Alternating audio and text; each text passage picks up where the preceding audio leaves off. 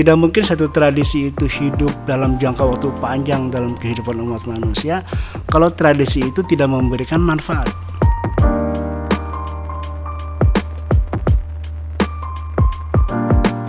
Tidak semua orang berpengetahuan punya wisdom.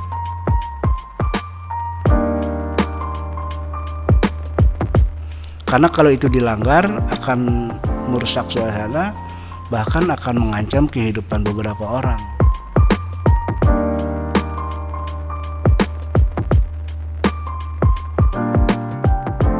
Oke, jadi Pak tadi kan salah satu fundamental Madania itu ada logo Madania. Ya, Saya ingin tahu apa sih arti logo Madania itu? baik. Terima kasih Askel ya. Jadi logo Madania itu memang kita ambil dari kaligrafi Arab. eh, bahasa Arab Oh, iya. gitu. Yaitu terdiri dari tiga huruf kaf, sin dan ha. Ya. Kaf itu eh, kepanjangannya adalah kitab atau alkitab. Sin itu as-sunnah atau sunnah dan ha hikmah. Gitu. Apa itu kitab atau alkitab? Kitab adalah yang kita maksud adalah the holy books. Jadi kitab suci. Karena dia kitab suci, semua kitab suci yang diturunkan oleh Tuhan Hmm. dalam perjalanan sejarah panjang kehidupan manusia di muka bumi Iya. ini adalah menjadi referensi kita Oh, bahwa Madania itu tidak jauh-jauh, tidak aneh-aneh. Semua proses pembelajarannya, pengetahuannya, dan semua perilakunya kita turunkan, kita ajarkan dari yang diturunkan oleh Tuhan kepada para nabi sepanjang masa ya. yaitu Alkitab tadi itu. Maka dia bisa Quran, bisa eh, Injil, bisa Tripit, Tripita, Tripitaka Hmm?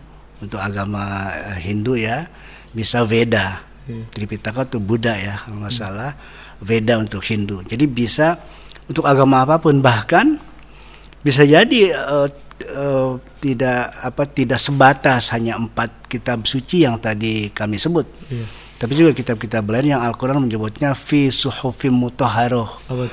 Su- Suhuf itu lembaran-lembaran. Iya. Lembaran-lembaran yang ada dalam lohil mahfuz di tempat yang suci yang itu oleh oleh Tuhan pernah diturunkan kepada para nabi, para utusannya yang sebagiannya ada di Quran, di kitab suci kitab suci yang tadi saya sebut tadi itu, tapi sebagiannya nggak terekam dalam kitab suci itu.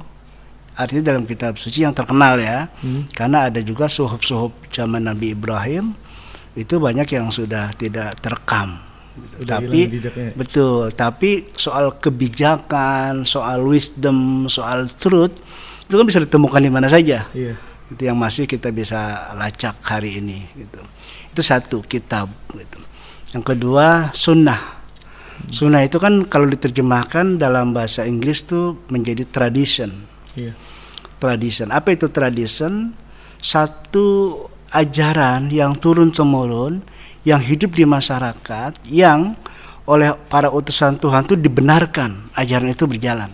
Hmm. Maka dia menjadi sunnah, dia menjadi satu perilaku yang hidup, nilai yang hidup di masyarakat. Maka dalam orang Inggris menyebutnya itu tradition. Jadi artinya tradisi, kebiasaan.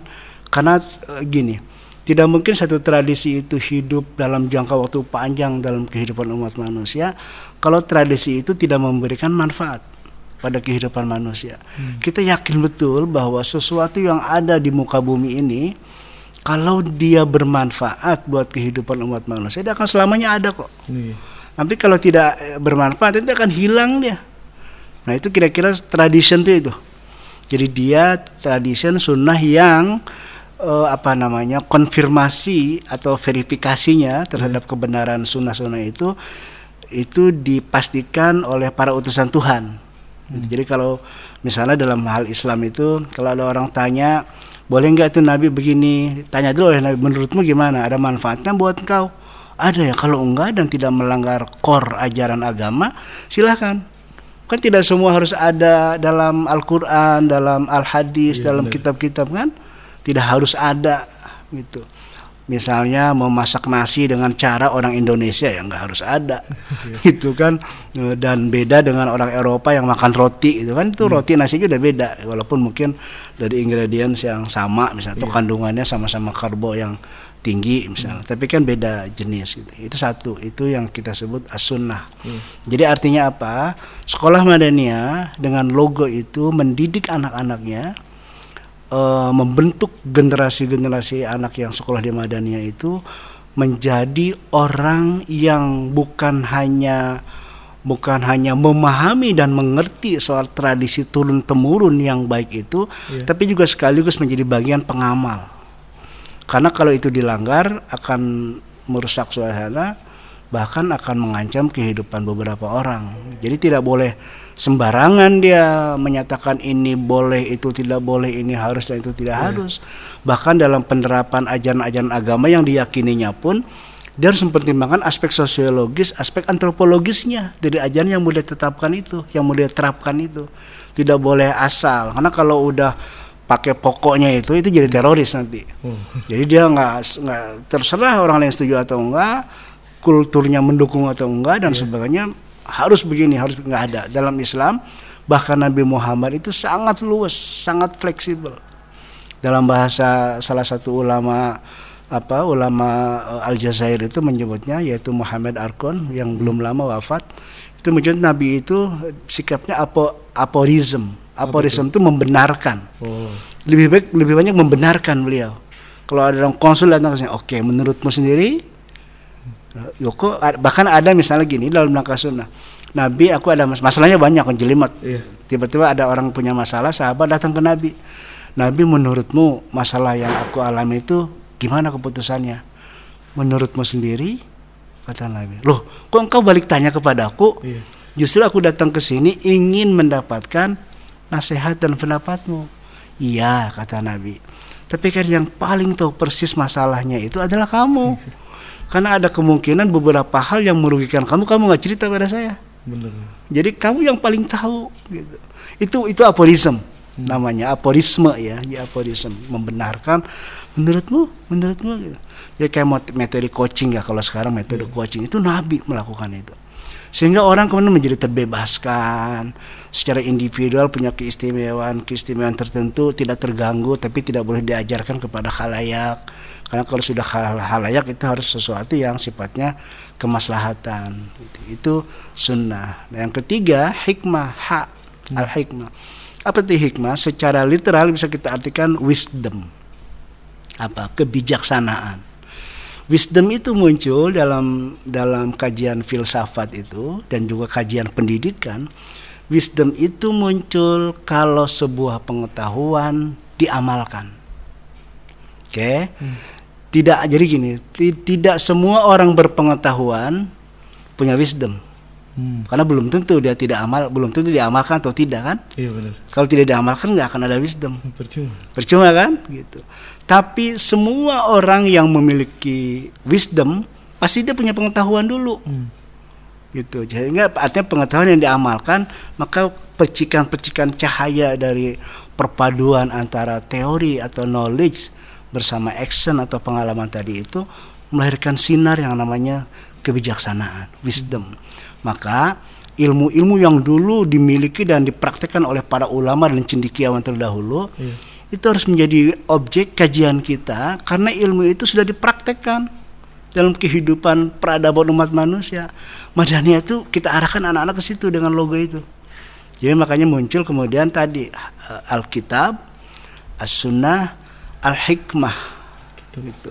Dan itu kalau kita lihat susunannya itu kan ada empat susunan konfigurasi, Iya. ya kan? Iya. Eh, kitab, hikmah, sunnah satu, satu lagi ada empat kan? Itu benar. Ya, ke- dan kalau kita mau lihat apa namanya logo itu, itu dia memiliki delapan arah mata angin. Ya, bukan hanya empat ya, tapi dia punya delapan arah mata angin. Itu artinya apa? Artinya kita ini universal Hmm. dan artinya kita ini terbuka. Mau datang dari kedelapan arah mata angin mana saja, Oh. kita terbuka. Yang tadi saya jelaskan di awal itu di apa di inclusiveness tadi. Terbuka, bisa diambil, bisa diambil kebaikan itu karena semua arah mata angin kita welcome. Jadi itu dia. Ada empat susunan konfigurasi yang se- sebangun, itu sebangun, persis sama itu. Satu bangunan cuman saat dijadikan empat. Itu untuk menunjukkan integrity. Kalau yang tadi kan inclusiveness yang 8 arah mata angin. Iya. In- eh, integrity itu bahwa pola sebangun, pola eh, apa namanya sebangun kongruen itu kan salah satu nilai dalam integritas. Maka susunan empat konfigurasi kap sinha kap sinha itu ada empat dengan bangunan yang sama itu menunjukkan bahwa kita melambangkan eh, nilai integritas. Gitu. Lalu kalau kita mau lihat dari agak jauh di tengah-tengah tuh ada Titik ya? titik kosong gitu sebetulnya. Jadi dia tidak boleh ada warna di situ.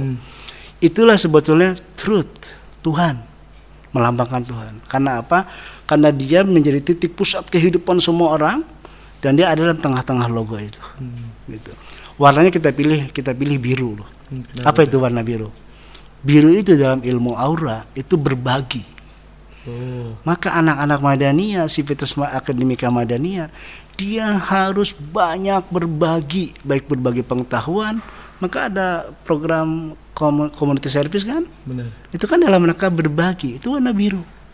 Kita juga setiap tahun paling nggak dua kali membagikan barang ba- baju-baju eh, bekas yang layak pakai kan? Iya. Berbagi sembako kita bagi Idul Adha nanti akan datang kita bagi kepada masyarakat bukan hanya kepada eh, lingkungan Madania tapi kepada masyarakat yang ada di sekitar sekolah Madania itu warna biru itu melambangkan berbagi berbagi berbagi.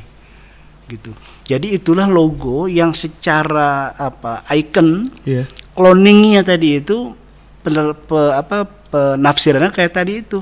Sehingga dengan logo itu Madania menjadi oh menggambarkan valuesnya Madania ada truth ada inclusiveness ada integrity ada intellect nah, inteleknya ini apa karena universal Iya. karena inklusif dia tidak mungkin memperhatikan ide hanya dari satu dua orang Oh, benar. intelek kan Iya. jadi menyeluruh universal dan seterusnya